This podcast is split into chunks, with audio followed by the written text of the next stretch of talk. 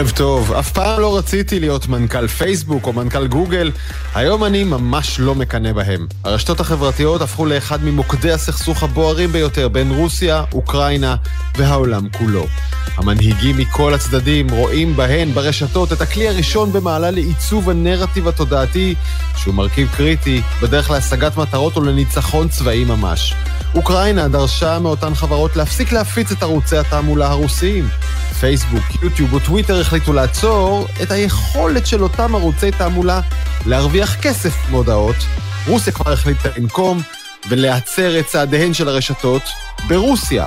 והחשש הוא כזה, אם גוגל ופייסבוק יעצבנו את ממשלת רוסיה יותר מדי, היא תחסום אותן לחלוטין בשטחה.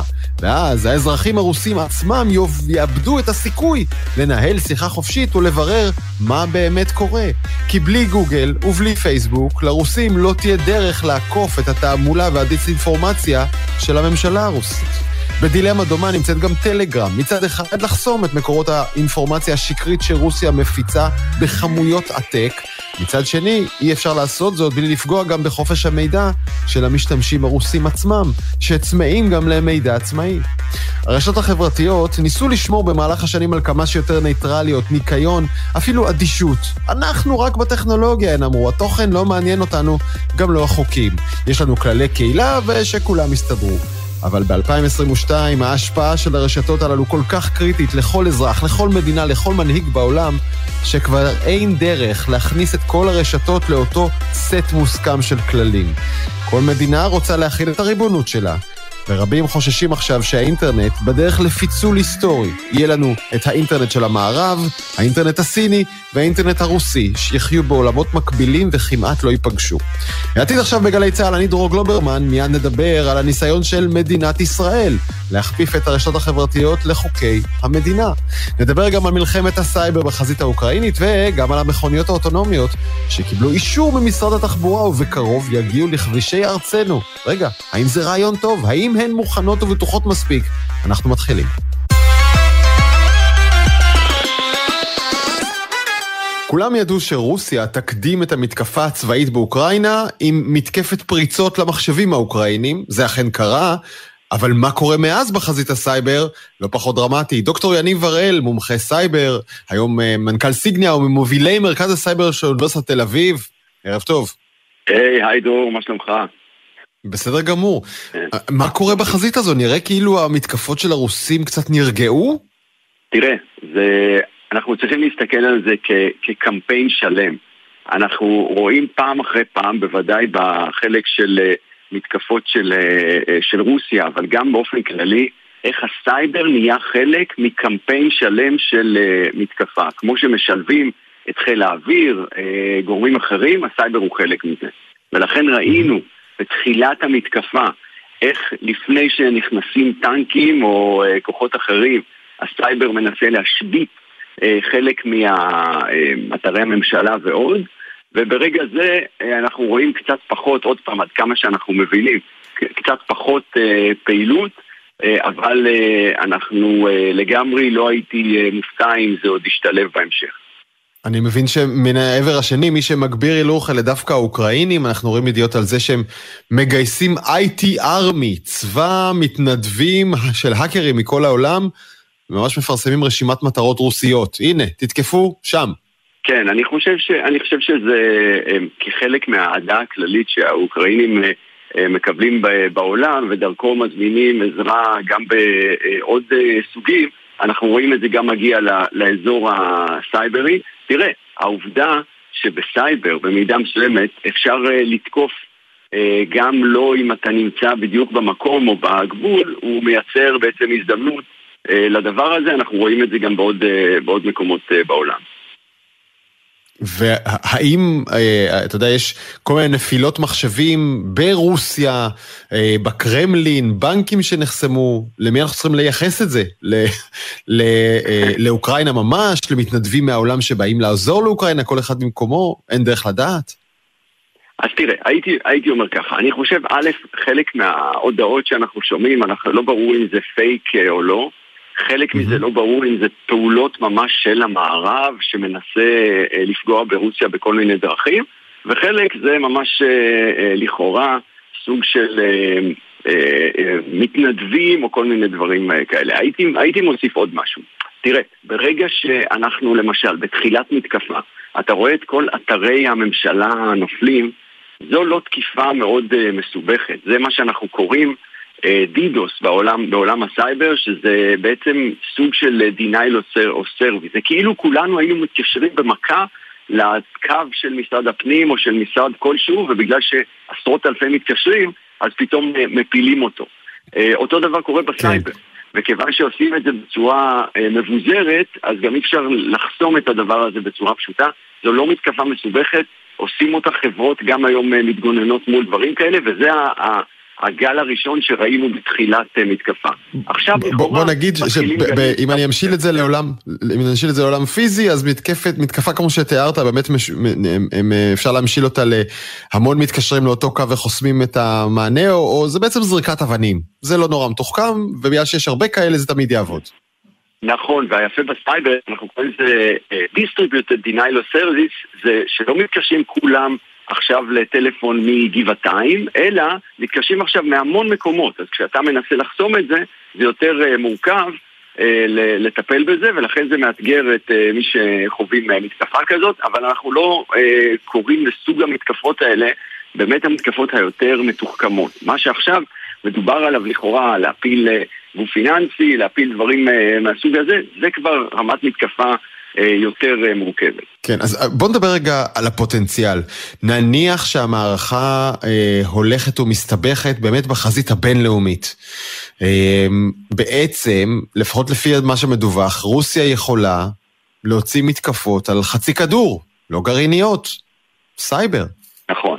נכון, תראה, פה, פה זה, וצריך להיות, צריך להיות זהירים כשאנחנו uh, אפילו מנסחים כל מיני רעיונות כאלה, אבל בעצם אנחנו, אנחנו שומעים כל הזמן את השיח של המערב שמתלבט ולא רוצה להגיע לעימות חזיתי במישור הקונבנציונלי מול אה, רוסיה. כולנו מבינים איך כשמתחיל דבר כזה, אתה לא יודע איפה הוא נגמר. לעומת זאת, בסייבר יש תחושה שזה דווקא אולי רעיון לא רע, אבל יכול להיות מצב שבו אה, המערב אה, יחזק את הלחץ על רוסיה דרך סאקט או אפילו פעולות סייבר, ואז רוסיה תגיב פתאום לא רק מול אוקראינה, אלא מול מדינות אחרות.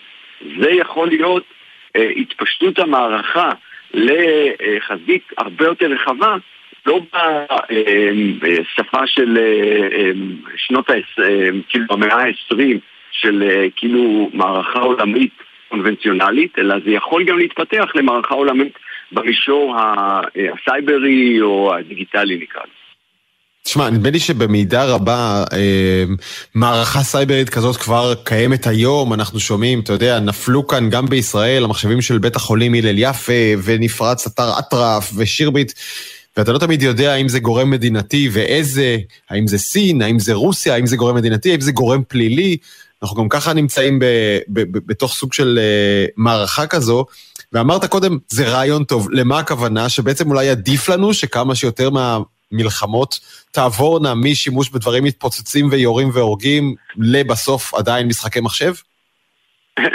קודם כל, אני, אזהר אם לומר איזה רעיון טוב על עימות אה, עולמי כולל, לא חשוב באיזה, באיזה מרחב, אבל, אבל כן אני יכול לומר שאני רואה את הזהירות שבה העולם ניגש היום למערכות קונבנציונליות, ולכאורה המישור, המישור הזה, הסייברי, עלול להיות אה, אזור מערכה אה, חדש, אנחנו כבר רואים אותו כזה, ואני חושב שמלחמות עתידיות, או שהוא יהיה בהם חלק מרכזי, או שהוא אה, יכול להיות הזירה, הזירה המלאה.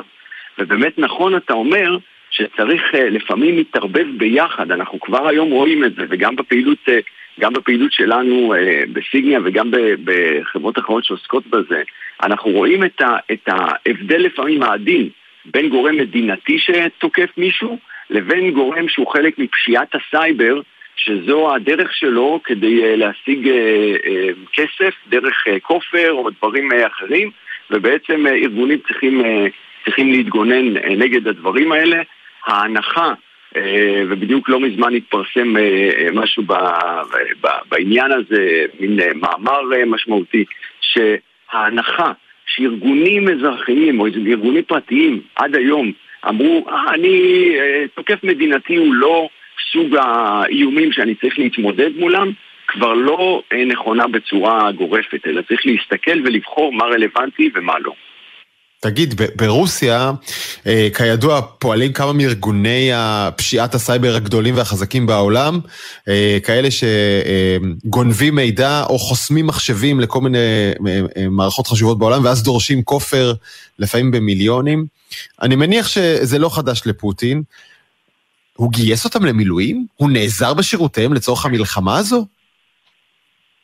כן, אז פה, פה באמת זה העולם, אה, העולם קצת אה, נקרא לו מבולבל ומנסה להבין מה קורה. לכאורה, הארגונים האלה שחלקם, כמו קבוצת רביל או אחרים, שחלקם אה, עד, עד לא מזמן הסתובבו חופשי והביזנס שלהם היה פשיעת סייבר וחלקם היו גם, גם ברוסיה. ראינו תהליך בחודשים האחרונים, ייתכן בלחץ אמריקאי או אחר, של אפילו מצב שהשלטון הרוסי לכאורה עוצר את אחת הקבוצות האלה. מנגד, התפרסמו בימים האחרונים ממש אה, אה, ידיעות שתומכות את זה שקבוצת תקיפה אחרת אה, הייתה ממש מקבלת סוג של הנחיות מהשלטון. לכן אנחנו רואים ממש באותם חודשים דברים שהם ממצאים שמוכיחים ממש את שני הדברים ההפוכים כמעט, ולכן אפשר להגיד בזהירות שכנראה זה לא מנותק, יש קשר, אבל כשהמערב מאוד לוחץ אז עושים צעדים אה, נגד, ה, נגד הפעולות האלה, אבל זה לא מנותק לגמרי. אתה, אתה מאוד מאוד זהיר. אז אני אשאל אותך, אה, מה, מה אנחנו בישראל צריכים להבין מהמערכה הזו? אם לשם הולכים, האם אנחנו מוכנים? תראה, זו שאלה אה, שבאמת אה, נכון להיות אה, זהירים כש, כשמטפלים בה. אני חושב שבסוף אנחנו יכולים לראות כאן במדינה פעולות שנעשות לאורך השנים האחרונות, מערך סייבר אה, שקם, אה, אה, מודעות בחברות שעולה ובארגונים, אחראי סייבר שמוצבים בחברות ומין חיבור מוצלח יחסית של הגופים הציבוריים עם החברות הפרטיות כדי לנסות רגע וגם אה, לוודא שיפור, אה, גם לוודא אה, תשומת לב והשקעה בנושא של סייבר. מצד שני, זה, שום דבר הוא לא bulletproof והוא לא משהו שאפשר להגיד, בוודאי אנחנו בטוחים ומוגנים. והנושא של סייבר, ואפשר לדבר על זה כמובן עוד תוכנית שלמה, הוא אזור שבו צריך להמשיך ולהשקיע, זה, זה סוג של תחום שגם ה... נקרא לזה הרפואה המונעת שבו, וגם ההיגיינה, וגם היכולת אה, להגיב ולהתכונן למתקפות, הוא תחום שכל הזמן צריך להמשיך ולפתח אותו, כי זה סוג של מרוץ חימוש מול גורמי התקיפה, גם המדינתיים וגם הפרטיים, או הפשיעה, שכל הזמן אה, מתקדמים בתחום. כן, ואני מניח שכדאי שנזכור, אה, על אף התדמית הסטרילית ואולי הפחות מתפוצצת, אה, גם סייבר עלול להרוג כשהוא פוגע בתשתיות קריטיות אה, אה, למיניה. דוקטור יניב הראל, מומחה סייבר, תודה רבה על השיחה הזאת. תודה, שיהיה יום טוב, בטוח ושקט. שימו לב, אם אתם רואים רכב חולף בכביש עם כובע מוזר על הגג, הציצו מהר בחלון הנהג שלו. יש מצב שהוא יהיה ריק. מכוניות ללא נהג, אוטונומיות, נכנסות עכשיו באופן רשמי למדינת ישראל, אבל אנחנו, חרדתים שכמונו, רוצים להתחיל ישר מהסוף. אבנר פלור, סמנכ"ל משרד התחבורה, ערב טוב. אם תקרה תאונה, מי אשם? מי משלם? המתכנת ילך לכלא? אנחנו, אה, מבחינת אה, החקיקה, בעצם מדובר בכלי רכב להסעת אה, נוסעים בעיקר אה, לציי רכב, זאת אומרת היתר הפעלה לכמות מסוימת לכל, לכל נסיין, לכל מבצע פיילוט, כן. שבו בעצם האחריות... רגע, תכף ניכנס ש... לפרטים, אבנר, השאלה אם יש תאונה, מה קורה? במקרה שישנה תאונה, אז בעל היתר ההפעלה, זה שבעצם קיבל מאיתנו את רישיון ההפעלה לאותם, לאותה כמות של כלי רכב, הוא בעצם נושא באחריות. וודאי ודאי, אחרי זה הוא יצטרך אה, לדון עם אה, אותו, אה, אה, עם אותו מייצר או מפתח של המערכת, אבל מבחינת, מבחינת המדינה זה בעל היתר ההפעלה. כלומר, האחריות עברה מהנהג שכבר לא נמצא שם, אל מי שמפעיל את כל צי הרכב הזה. עכשיו בואו נרחיב טיפה באמת את השיחה. באילו תנאים מתיר החוק החדש שהעברתם, באילו תנאים מותר למכונית אוטונומית לנסוע בכבישי ישראל מכונית ללא נהג? אה, מדובר בכלי רכב להסעת נוסעים בלבד. שבעצם יהיו אה, אה, לתקופה מוגבלת של עד שלוש שנים, mm-hmm. לכמות מוגבלת, לאזור מוגבל, לבעל היתר הפעלה. מה זה בעל היתר הפעלה? זה בעצם אותו יזם שרוצה לבצע את הניסויים. Mm-hmm. של הסעת נוסעים, בדומה ל, ל, להסעת נוסעים רגילה, אם זה okay. אוקיי. מונית או אם זה רכב להסעת נוסעים. אהה, עכשיו, אה, אז אה, אמרנו, זה מצד אחד מוגדר כניסוי לזמן וטווח אה, קצוב, ואזור גיאוגרפי, אבל הוא אכן יסיע נוסעים אמיתיים? כלומר, אני ואתה נוכל להיכנס למכונית הזו. איך אתם מוודאים שהיא בטוחה מספיק? נכון, אז uh, לגבי הנושא של הבטיחות, אנחנו, הרכב הזה uh, עובר המון המון uh, בדיקות וניסויים. אה, לפני שהוא עולה לכביש הוא גם מבצע אה, בדיקות וניסויים בשטח שהוא לא ציבורי גם בדיקות מעבדה שבודקות, שבודקות את מערכות התוכנה האם הוא עומד בכל חוקי התנועה הנדרשים, האם הוא עומד בהיבטים הבטיחותיים, האם הוא עומד בכללי ודיני, ודיני תקנות התעבורה באמת הכביש, האם כשהוא מגיע לצומת הוא יכול לעצור כשזה רמזור אדום ולהמשיך כשזה רמזור ירוק. כל הבדיקות האלה נעשות טרם העלאה לכביש, ונקודה חשובה שאני מדגיש כאן, מדובר גם בפיילוט, זה לא עדיין שוטף, כלומר זה לא כמויות גדולות, זה רק עד 500 כמויות בכלל, mm-hmm. ובנוסף גם יהיה מרכז בקרה, שבו בעצם במידה ותהיה אה, בעיה או מצב חירום מסוים, שיהיה ניתן יהיה להתערב ולבצע איזה שהן פעולות אה, אה, מסוימות לאותו מרכז בקרה. כלומר להתערב מרחוק, להתערב מרחוק ולקחת שליטה על האוטו? לא, לא, לא, לא לקחת שליטה על האוטו, אלא במידה וישנה בעיה אה, מסוימת, uh-huh. אז אה, הגעה בזמן לאותו מקום זה מרכז בקרה שהוא קרוב לאותו אזור שמתבצע okay. אוקיי. הניסוי, כן? ואז לבצע. בעצם זה רק בעת חירום, במידת הצורך, אז יכולה להיות גם... אה, איזושהי שליטה מרחוק, אבל עיקר זה יותר פיזי, פחות... אה, אוקיי. אה, שתנועת הרכב אה, תהיה על ידי מרכז הבקרה. אין אפשרות להשתלט על המכונית מרחוק ולנהוג אותה בבטחה בשליטה? לא, אז אני אומר שכל המטרה היא שבעצם הרכב הזה ייסע כמו כל רכב רגיל, mm-hmm. זה כל המטרה, ולכן אה, זה, יש קושי שזה מרכז הבקרה ישתלט ויסיע את הרכב, אבל הוא כן יוכל בעצם אה, אה, אה, אה, למנוע אה, איזשהו מפגע תעבורתי או למנוע איזשהו... אה, אה גודש תנועה או משהו כזה, כלומר כן ניתן יהיה אה, לצמצם את ה... את, ה, את, ה, את התופעות האלה. כלומר, האוטו יעצור, אומר... אם יש בעיה, האוטו יעצור בצד ויגיע פיזית מישהו ויתיישב במושב הנהג וינהג אותו? באופן תיאורטי כן. אוקיי. Okay. עכשיו תראה, אנחנו יודעים שלאף חברה בעולם עדיין אין מכונית אוטונומית לגמרי, מה שמכונה שלב חמש. כלומר שאפשר ממש נכון. לבנות אוטו בלי הגה ובלי פדלים, כי המחשב עושה הכל מעולה. אין כזה דבר עדיין בעולם. אמ, נכון. ולכן השאלה היא, מה, מה הנתונים ששכנעו אתכם לאשר את זה כאן בישראל? האם היא כבר היום בטוחה יותר מבני אדם, כשאנחנו מודדים תאונות או חלילה הרוגים למיליון קילומטר נסיעה? לא, ראשית אה, מדובר ברכב שהוא לא רמה 5, אתה צודק, אין עדיין רמה 5 שבעצם יכול, הרכב יכול לנוע בכל אה, עת ובכל מקום או בכל זמן, זה אין את זה עדיין. מה שאנחנו אישרנו פה זה רמה 4, כן. שבו בעצם עדיין הרכב אה, מוגבל בתנאים מסוימים, במקומות מסוימים, ולא, ולא רכב שהוא אה, רמה חמש, שהוא יכול לנסוע בכל עת, בכל מקום, בכל שלב. הבנתי, כלומר, זה, זה, זה, מאושר, זאת הסיבה שהרישיון אומר, זאת הסיבה שהרישיון אומר, רק במקומות כאלה וכאלה, ואולי גם הגבלה על מזג אוויר?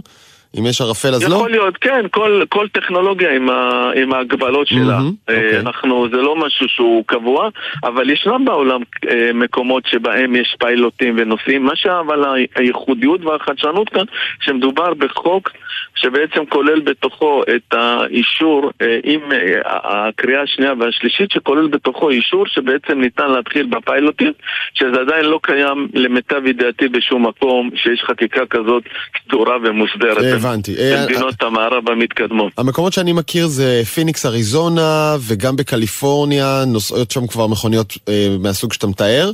אה, נכון. והשאלה האם יש ב, בידיכם נתונים על רמת הבטיחות, ממש מספר התאונות או חלילה מספר ההרוגים לכל מיליון קילומטר או מייל נסיעה. שמצביע על כך שזה מספיק בטוח, כלומר לא, לא יותר גרוע מבני אדם לכל הפחות ואולי אפילו עדיף. אז אה, כן, קודם כל ראשית זה אה, מדובר כאן ברכב שהוא אה, מצמצם, אין, אין הרי בתוכו נהג, אז הכל זה בעצם באופן מחשובי ורובוטי. Mm-hmm. אין עדיין מידעים ונתונים, מכיוון שאין אין עדיין, אין כמויות כאלה גדולות, מה עוד שזה מדובר בתקופה הכי מאתגרת, שהוא נוסע גם בש, בצמידות לכלי רכב הרגילים. נכון. לכן, לכן חלק, גם בעולם, דרך אגב, אין איזשהו נתון שאומר, אני, אני או אנחנו רוצים כך וכך מיליון הרוג אחד או, או, או, או יותר לכך וכך אה, מיליון אה, קילומטר או מיליארדי קילומטר אני, אני אגיד לך שמהבדיקה שלי מצאתי, מצאתי כן נתונים, אני מסכים שהם לא נראים עדיין אה, מאוד סופיים, אבל... הרכב הזה הוא עדיין לא יותר בטוח מבני אדם. אולי לא הרבה יותר מסוכן, אבל אף אחד לא יכול להגיד שהוא בטוח יותר מנהיגה אנושית. אז לכן, לכן, קודם כל אנחנו עושים את זה בצורה שקולה ומדודה. אנחנו עושים את זה בפיילוטים, אנחנו מגבילים את הכמות, מגבילים את האזורים, מגבילים את הזמן. כלומר, זה לא משהו שאנחנו פותחים אותו לקהל השוטף ולכל אחד, כי גם בעולם זה עדיין לא ככה. אבל כל המטרה שלנו שנבדוק ונוודא כל הטכנולוגיה, נבדוק ונוודא את היכולות, את mm-hmm. הפוטנציאל, נבדוק ונוודא גם את ה, מה, איך זה משפיע על גודש התנועה, איך זה משפיע על, ה, על התנועה. אז רגע, תכף נלך לעניינים האחרים שהם באמת נורא נורא מעניינים, אבל אני קודם, קודם באמת מנסה למצות את, ה, את ההתבוננות של הישראלי הרגיל, שהולך ברחוב, קולט פתאום אוטו עובר בלי, עובר בלי אף אחד ליד מושב, במושב הנהג, ואני מניח שהוא ייבהל, והוא ירצה לדעת, רגע, מה בדקת כדי לאשר את הדבר הזה שייכנס לכביש? הרי מי שיכול להיפגע גם ממכונית כזו זה לא רק מי שיושב בתוכה, זה כל מי שנמצא באזור. מה שכנע אותך לאפשר לה להיכנס לכביש בכלל? מה ששכנע שאנחנו כבר למעלה ממספר שנים, למעלה משלוש שנים, אנחנו מבצעים בחינות וניסויים mm-hmm. עם יזמים כאלה ואחרים, עם כלי רכב אוטונומיים. כן. אנחנו אה, בדקנו את זה בכל מיני אזורים mm-hmm. אה, אה, ומקומות. אה, לא, לא ראינו ולא גילינו איזושהי בעיה קריטית או בעיה, או בעיה מהותית. בהיבט הזה של, של בטיחות. אוקיי. נכון יש פה איזה סטטיסטיקה מובילה? כלומר, אתם בודקים ורושמים ואומרים, אוקיי, נסענו כבר, אני זורק, 150 לא, אלף קילומטר, ויש רגע, רק חריגה לא. אחת. רק סליחה, אני רק מה שאני חשוב לי רק להדגיש, ש, שמעבר לפיילוטים והניסויים וכל מה שאנחנו עושים, וכמו שאמרתי, אנחנו בעצם גם אותו, אותו נסיין, אותו מפתח, הוא גם עושה לעצמו את כל הבדיקות, mm-hmm. מוודא שבעצם מבחינת הקריטריונים, שזה רכב שעומד בחוקי התנועה, זה רכב שבעצם אה, יכול לנסוע בבטחה, ואנחנו בודקים ומוודאים שהבדיקות ומה שהוא ביצע, הוא עשה את זה על הטוב ביותר. הבנתי, אתם... בתהליך שלנו, mm-hmm. בתהליך שלנו עכשיו, אחרי שהחקיקה תיכנס לתוקף, אנחנו נבדוק ונוודא את הדברים האלה באופן תאורטי, וגם נעשה בחינה מעשית. כלומר, יהיה בוחן שיעלה על הרכב הזה. אה, יש טסט. ינהג. כן, יהיה גם טסט, נכון, כמו okay. אוקיי. תלמיד שעושה טסט. אז, אז יש טסט ויש רישוי ויש ביטוח למכונית ללא נהג, נכון? נכון. אמ, נכון. אוקיי, אה, אה, למרות זאת אני, אני מודה שעוד לא הצלחתי להבין האם יש לכם איזשהו מדד מספרי שאתם אומרים, אוקיי, אם תצליחו לעשות פחות משתי חריגות לחצי מיליון קילומטר זה מספיק טוב. אין איזה מדד כזה. אנחנו, אנחנו, אנחנו נמצא את זה בתהליך של הפיילוט. אוקיי. זה חלק מה, מהבדיקה של הפיילוט שאנחנו נעשה. הבנתי. עכשיו תגיד, למה בכלל כדאי למדינת ישראל לאפשר למוצר כזה לא גמור, ואנחנו מסכימים שהוא לא גמור כי צריך לבדוק אותו, למה כדאי לנו לאפשר לו לא להיכנס לרחובות שלנו, למקומות שבהם אזרחים מסתובבים? ראשית, ראשית אני שוב חוזר ואומר, אנחנו לא נעלה שום רכב כזה על הכביש עד שלא נדע בוודאות של 100% שהוא נוסע בבטחה ולא יפגע ולא כן. פוגע. אז, לא אני, ב- אני, אז אני אחדד את השאלה שלי. אה, יש פה בעצם אה, סיכון והזדמנות, נכון? אה, ככל שאתה מקדים, אולי הסיכון שלך גדול יותר, אבל גם ההזדמנות שלך גדולה יותר, הכלכלית, שישראל תהפוך להיות מרכז שבו עושים ניסויים וחברות, אה, וזה חברות גדולות, נוהרות לכאן ומנסות המכוניות. מצד שני, אם אתה רוצה לא לקחת שום סיכון, אז תחכה שהמוצר יהיה גמור וזה בעוד עשר שנים, ואתה בסוף התור, כל המדינות בעולם כבר נתנו לזה להיכנס. וגם השרה כאילו התוותה במ- במדיניות שלה, השרה מיכאלי שבעצם רוצה שנהיה בחזית הטכנולוגית מהמם. בתחומים האלה של הרכב האוטונומי והתחבורה החכמה. אה, כן. כחלק, אה, גם, גם ממנוע צמיחה, זה גם יפתור המון המון בעיות. נכון שזה יהיה בשלבים בהיבט של, ה, של גודש תנועה, של בטיחות. אז עוד של, שנייה עוד שנייה ניכנס אה, לאלה. איכות חיים. עוד שניה ניכנס ממש להיבטים המעניינים האלה. אה, רק אולי עוד שאלה אחרונה, אה, אנחנו יודעים ש- שהתאונה הראשונה תגיע. מתישהו תקרה, חלילה, אבל, אבל זה סטטיסטיקה, זה קורה בסוף לכולם. אה, האמת שכבר הייתה תאונה אחת כזאת, אם אני טועה, לפני שלושה חודשים בתל אביב, ואז, אתה יודע, אתם יכולים כבר לצפות את המהלך, יהיה מן עליהום כזה. אזרחי ישראל התקוממו, איך זה, מי אישר למכונית ללא נהג להיכנס? הנה, התנגשה במישהו ועשתה לו חס וחלילה נזק. מה תגידו? אז קודם כל אין ספק שנצטרך אה, אה, לבצע להתמודד איזשהו, עם זה. איז- לא, איזושהי הסברה לפני גם, גם Mm. לציבור כי אין אפס תאונות אבל כל המטרה שלנו זה שהרכב הזה בעצם ישאף לאפס תאונות ואם כבר ק- קורית תאונה שתהיה, שתהיה תאונה אה, שהרכב, ש, שלא באשמת הרכב זה בעצם אה, כן. אה, אה, השאיפה מהמם. אבל שוב אני אומר, כמו כל טכנולוגיה, כמו כל דבר חדש שנכנס, אה, צפויים, אה, יש דברים ש... אה, לא צפויים, יש דברים שצפויים ונצטרך להתמודד איתם, אבל גם היום שישנם תאונות כאלה ואחרות במהלך הפיילוטים שלנו, ש... שהחברות עושות עכשיו עם נהג בתוכו, שזה כבר עם נהג בתוכו, אז אנחנו אה, בודקים, בוחנים, אנחנו מפיקים את הלקחים, אנחנו מתקנים, עושים את כל מה שנדרש, אוקיי. כדי ש... אה, שנצמצם עד כמה שניתן. אני, אני כבר רוצה לומר, אני יודע מה יקרה, אתה יודע, הרי אנשים, ברגע שיש תאונה עם כלי רכב אוטונומי, אנחנו נעשה, אנחנו בתקשורת נעשה מזה ים כותרות. זה שבאותו יום, אתה יודע, נהר- נהרג בן אדם וחצי בממוצע, או בן אדם במדינת ישראל ומלא תאונות אחרות, מזה אף אחד לא עושה עניין, כי זה על ידי בני אדם, מה, מה יש להתרגש? אמ, אני אשאל אותך, איך נראה העתיד בטווח הקרוב והרחוק?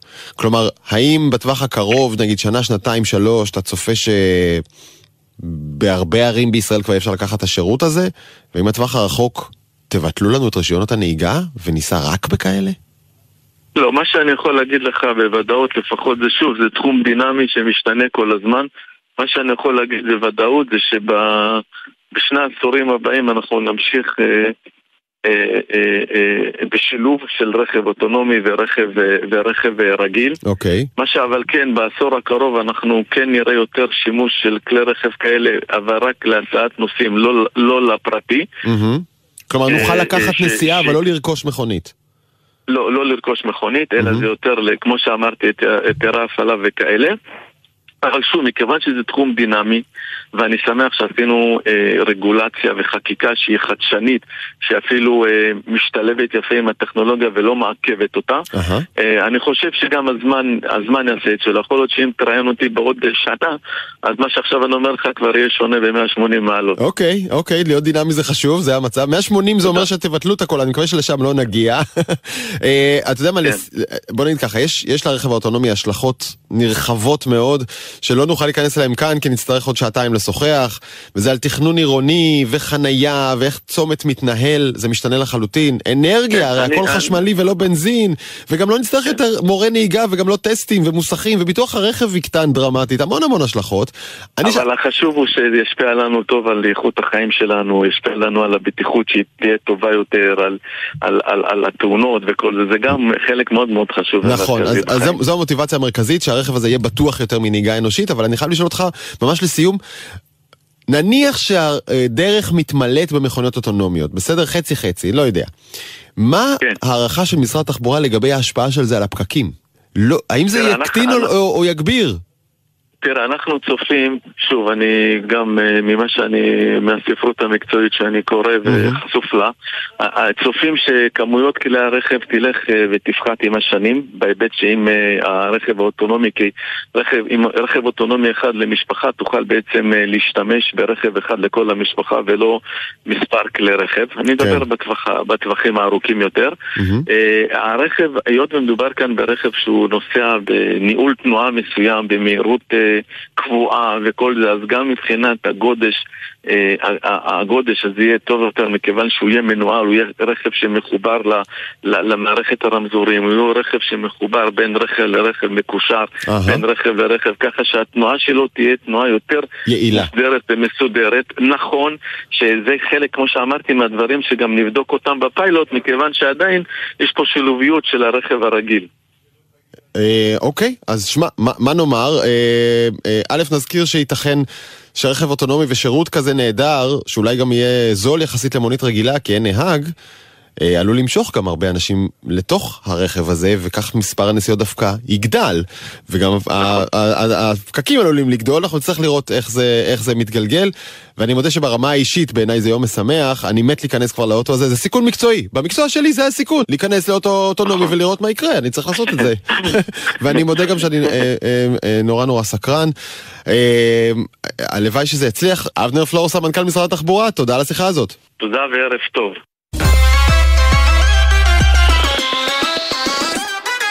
אז אם דיברנו על פייסבוק בגוגל, בואו נדבר על הזווית הישראלית. כבר יותר משלושה חודשים חלפו מאז שהתכנסו שתי ועדות אה, בישראל, אחת במשרד התקשורת, אחת במשרד, במשרד המשפטים, והנה יש כבר, נאמר, מסקנות ביניים. איתנו לירן אבישר בן חורין, מנכ"לית משרד התקשורת ויושב ראש הוועדה במשרדה. ערב טוב. שלום, מה שלומך דרור?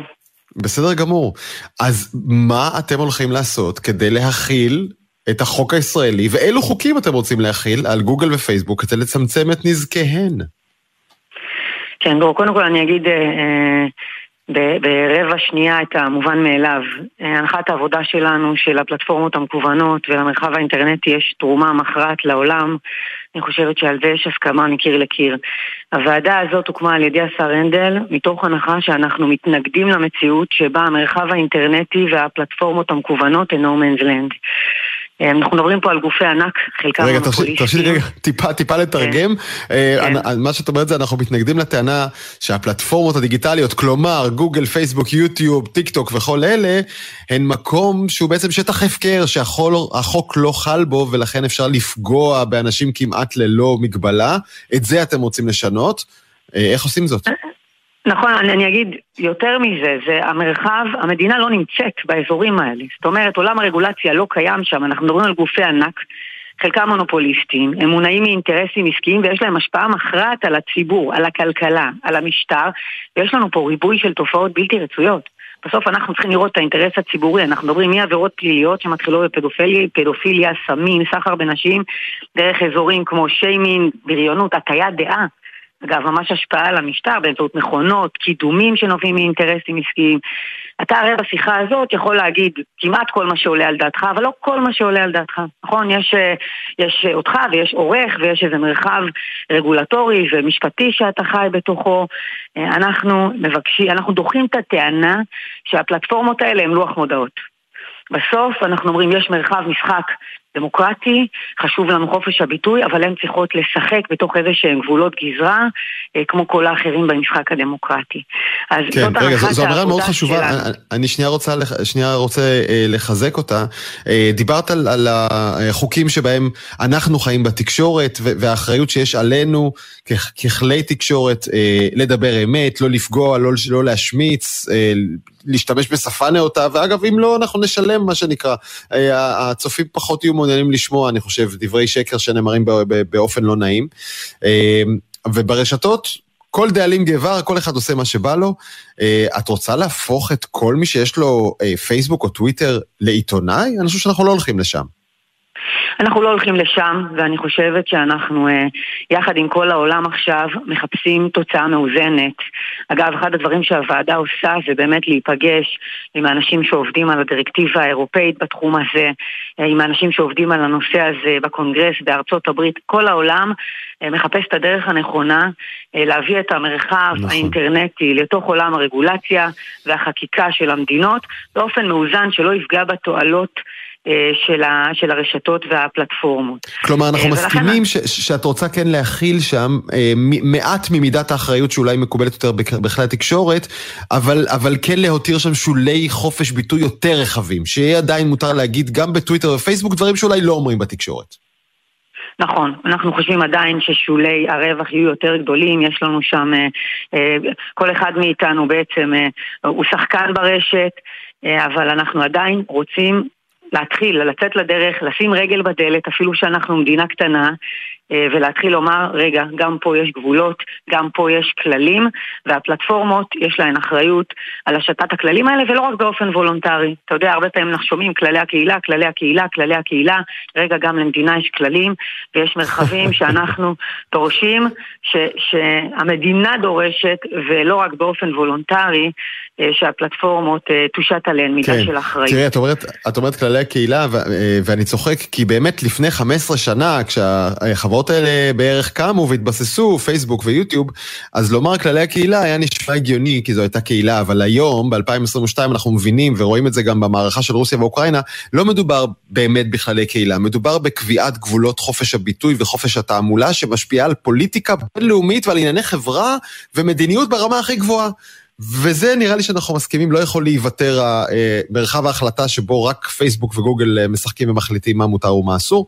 אה, ואני באמת מברך אתכם על ההגעה למסקנה הזאת, שאגב היא קצת חדשה במדינת ישראל, כי עד לפני, אני חושב, ממש כמה חודשים, התפיסה הישראלית הייתה, ניתן לאמריקאים להחליט ואז נעשה copy-paste. והנה ממשלת ישראל משנה מדיניות, אז, אז בואי נדבר, איך אתם כן. הולכים ממש לעשות את זה? אז, אז א', אנחנו חושבים שאנחנו יכולים להיות חלוצים בחלק מהאזורים, אנחנו כן בעד להיות אה, מאוד מאוד אה, מעודכנים אה, ולדעת מה הכיוון שלוקחים האירופאים ומה הכיוון שלוקחים האמריקאים, ויש לזה אגב משמעות בציות ובהתאמה של הפלטפורמות את עצמן, כשהרגולציה היא רגולציה יותר רחבה ברמה העולמית. מכל מקום. הוועדה שלנו התחילה לגבש לעצמה את כיווני התנועה ו... הוציאה אה, בימים אלה קול קורא שאומר, חברים, אלה הנושאים שבהם אנחנו הולכים לעשות ואנחנו רוצים לשמוע את כל בעלי עניין ואת כל הציבור, מה עמדתו לגבי הנושאים האלה. אה, כן. הדבר הראשון הוא, כפי שתיארתי לך, רמת האחריות של הרשתות החברתיות על התוכן שמפורסם בהן. אחד הדברים שאנחנו יודעים, שלדוגמה מערכות הניטור במדינת ישראל ובעברית הן מצומצמות ביותר ביחס למה שיש באנגלית לדוגמה. אנחנו מבקשים ניטור תכנים בעברית. רוצה לגיטימי. לומר, סליחה, אני שוב צריך לתרגם, אה, כשעולה פוסט פוגעני, או מטריד מינית, או מפיץ קונספירציה באנגלית, הסיכוי של פייסבוק או, או יוטיוב וכל אלה לגלות ולהסיר אותו הרבה הרבה יותר גבוה מאשר בעברית. הן משקיעות יותר מאמץ בסינון התוכן האנגלי באשר העברי. חד משמעית, ולא רק העברי אגב, כל, כל מדינה קטנה, זה ריבוי מאוד גדול של שפות, הם פועלים, הם פועלים בכל העולם, יש לזה עלויות, אבל צריך לשאת את העלויות, לרגולציה יש עלויות, ולדבר הזה, ניטור תוכן בעברית, בשביל להיות מסוגלים להסיר תכנים פוגעניים, בעינינו הוא אבן יסוד. הוא אבן יסוד, כן. אתה פועל במדינת ישראל, אה, זאת אה, נראה לנו דבר בסיסי. הנושא השני הוא כל הנושא של שקיפות, יש בעיית שקיפות אדירה. יכול לקום בבוקר, לגלות שהוסרת מהרשת, שנחסמת, שהוסר תוכן שלך, שהוחזר תוכן שלך, עסק קטן פתאום יכול למצוא את עצמו מחוץ למשחק.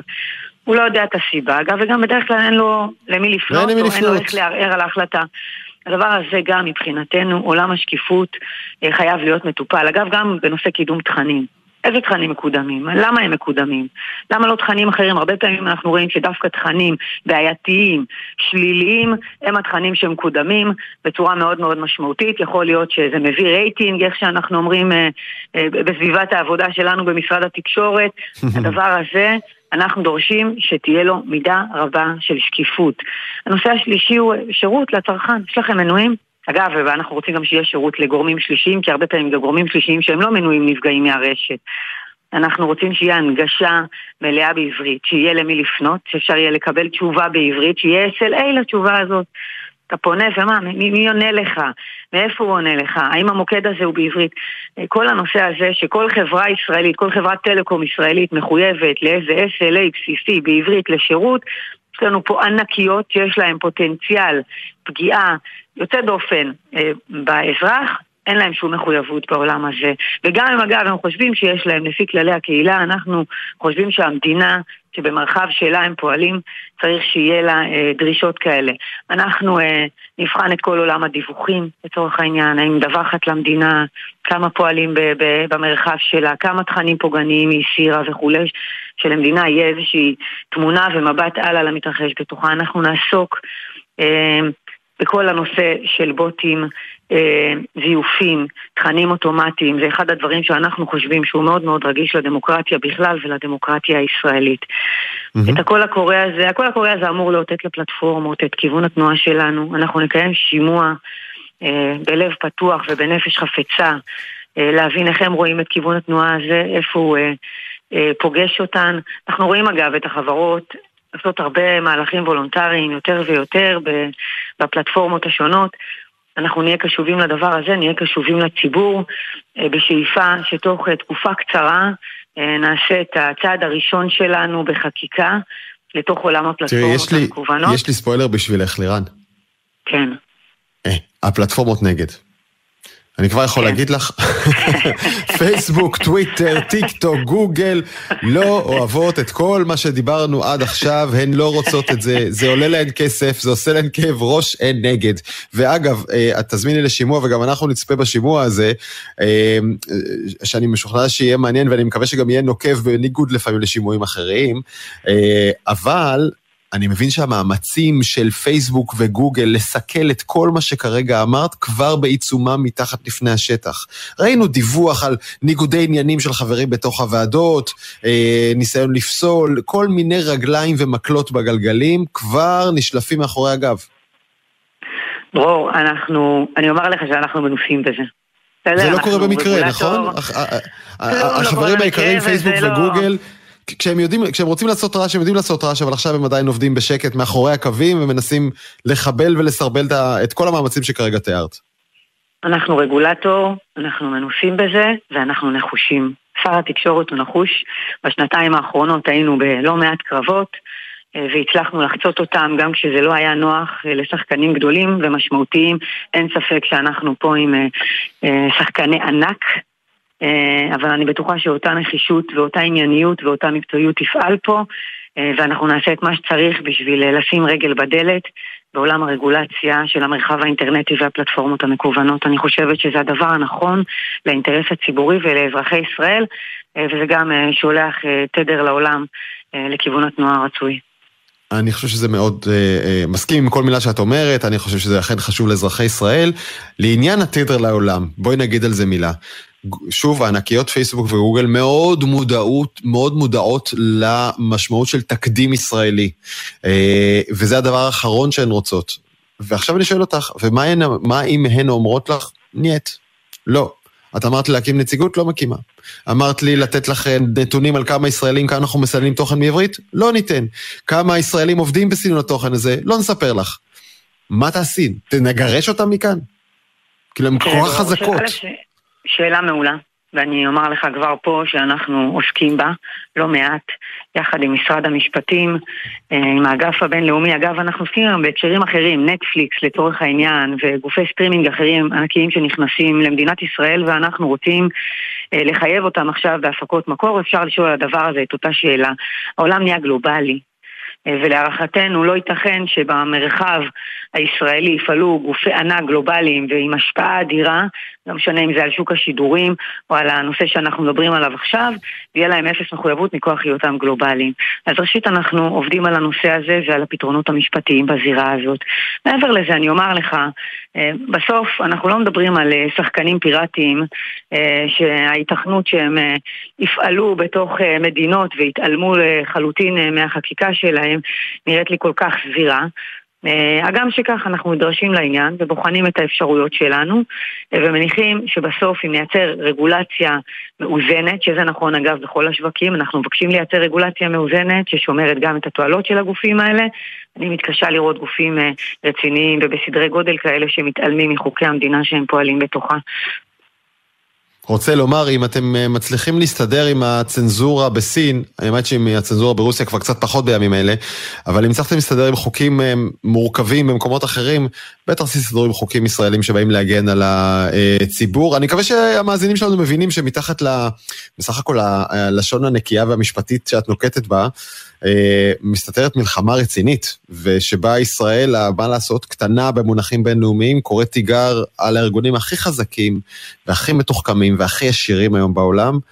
אה, אולי בזה נהיה אה, אור לגויים. לירן אבישר בן חורין, מנכ"לית משרד התקשורת, אנחנו עוקבים אחריכם. תודה.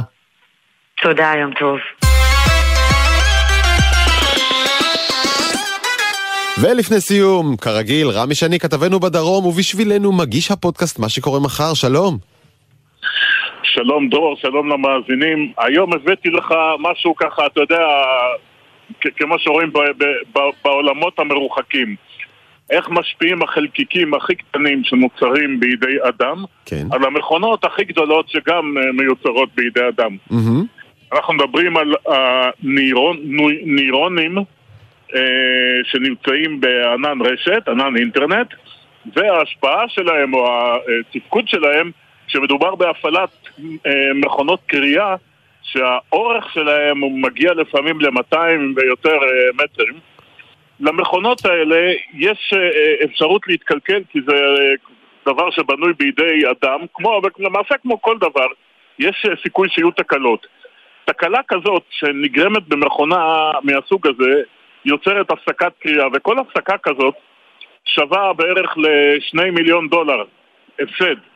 אז מה שעושים, יש חיישנים שבודקים החל מרטט המכונה, זאת אומרת כמה, איזה תדר הרטט של המכונה באחד, באחד הנקודות שלה ועד לחץ שמן, חום שמן, אה, מצב אה, בלאי של אה, צירים, דברים כאלה ומעבירה את זה לענן. את הענן הזה קולט, קולטת חברה ישראלית בשם Razor Labs, והיא מייצרת תמונת נזקים שנשלחת, בוא נגיד, המכרה באוסטרליה, אז היא שולחת את זה לשם. בוא נשמע את רז רודיטי, מנכ"ל החברה, ונמשיך אחר כך. המכונות האלו שאנחנו מדברים עליהן שקורות זהב ועופרת ברזל זה מכונות ענק והדבר הזה נוטה להתקלקל. וכל שעה שהיא מפסיקה לפעול זה הפסד נקי היום לפי מחירי העופרת ברזל של מיליון, שתי מיליון דולר הפסד נקי לשעה. במקום לחזות את כל התקלות עם מודל רשת נוירונים אחת ניתפס על תקלות ספציפיות ונלמד את המודל לעקוב רק, רק אחריהם. כשעשינו את זה והוספנו ידע שם כבר נחלנו הצלחה אה, משמעותית והצלחנו לחזות בדיוקים כלומר, אתה יודע, אני מדמיין את עצמי אה, אה, נוהג במכונית, נגיד, כן? שזה אולי המכונה הכי גדולה שאני מתקרב אליה יום-יום. אז יש את הרגע הזה אוקיי. שאתה מטה את האוזן ואתה שומע פתאום איזה רשרוש חדש מגיע מאיזה מקום במנוע או בצמיג, ואתה מנסה לדמיין מה זה יכול להיות והאם אתה יכול לטפל בזה. אז אתה אומר, אם זו מכונה גדולה ויקרה, למה לא לרחרח, לאסוף כבר את כל השינויים הקטנטנים ברטט, ברד, בחום, בכל מיני מקומות, ולעצור, ולזהות ולמנוע תקלה מראש? זה נכון, ואז לשלוח את התמונת מצב הזאת לחברה המפעילה, לקוראים, mm-hmm. אפילו, לה, איך קראת לזה, לנהג עצמו, והוא יודע בדיוק מה קורה. עכשיו, כל מכונה, עוצרים אותה מדי פעם, אה, אתה יודע, גם עצירה שה, שהעובדים ינוחו קצת, אבל גם עצירה אה, טבעית לצורך תיקון, לצורך מה שנקרא טיפול החזקה. Mm-hmm. ואז אם אתה יודע שיש לך חלק שבגלל המצב שלו עומד אה, להתקלות, עומד להישבר, עומד לקרות לו משהו, אתה יכול או להחליף אותו או לייצר לו איזושהי עבודת תחזוקה מסוימת במצב שהמכונה לא צריכה לעצור וצריך להזמין ח... חלק חילוף חדש ממקום אחר. בקיצור, לנבא את הקלות במכונה ולטפל בהן לפני שהן קורות. אה, אני, אני רוצה את זה, אתה יודע, לא רק לאוטו, אני רוצה את זה לגוף שלנו, רמי. אני רוצה לנבא את הקלות בגוף לפני שהן קורות. מתי זה יקרה? נכון, וכל הדבר הזה מסתכם בביטוי המוכר השחוק, זה הכל כך נחמד לשמוע חוצפה ישראלית. רמי שני, הפודקאסט מה שקורה מחר, כל מה שסיפרת עכשיו מחכה לכם בהרחבה בפרק 192 שלך, תודה רבה. עד כאן העתיד עכשיו, ערך נמרוד קלני, הפיקו אביתר נכון ותומר ברקאי על הביצוע הטכני, רועי מרקס. אני דרור גלוברמן, ואתם יכולים לשמוע אותנו מתי שבא לכם בכל אפליקציות הפודקאסטים המקובלות. ואני זמין להערות ולהצעות שלכם בגלוברמן ב Gmail. יאללה ביי.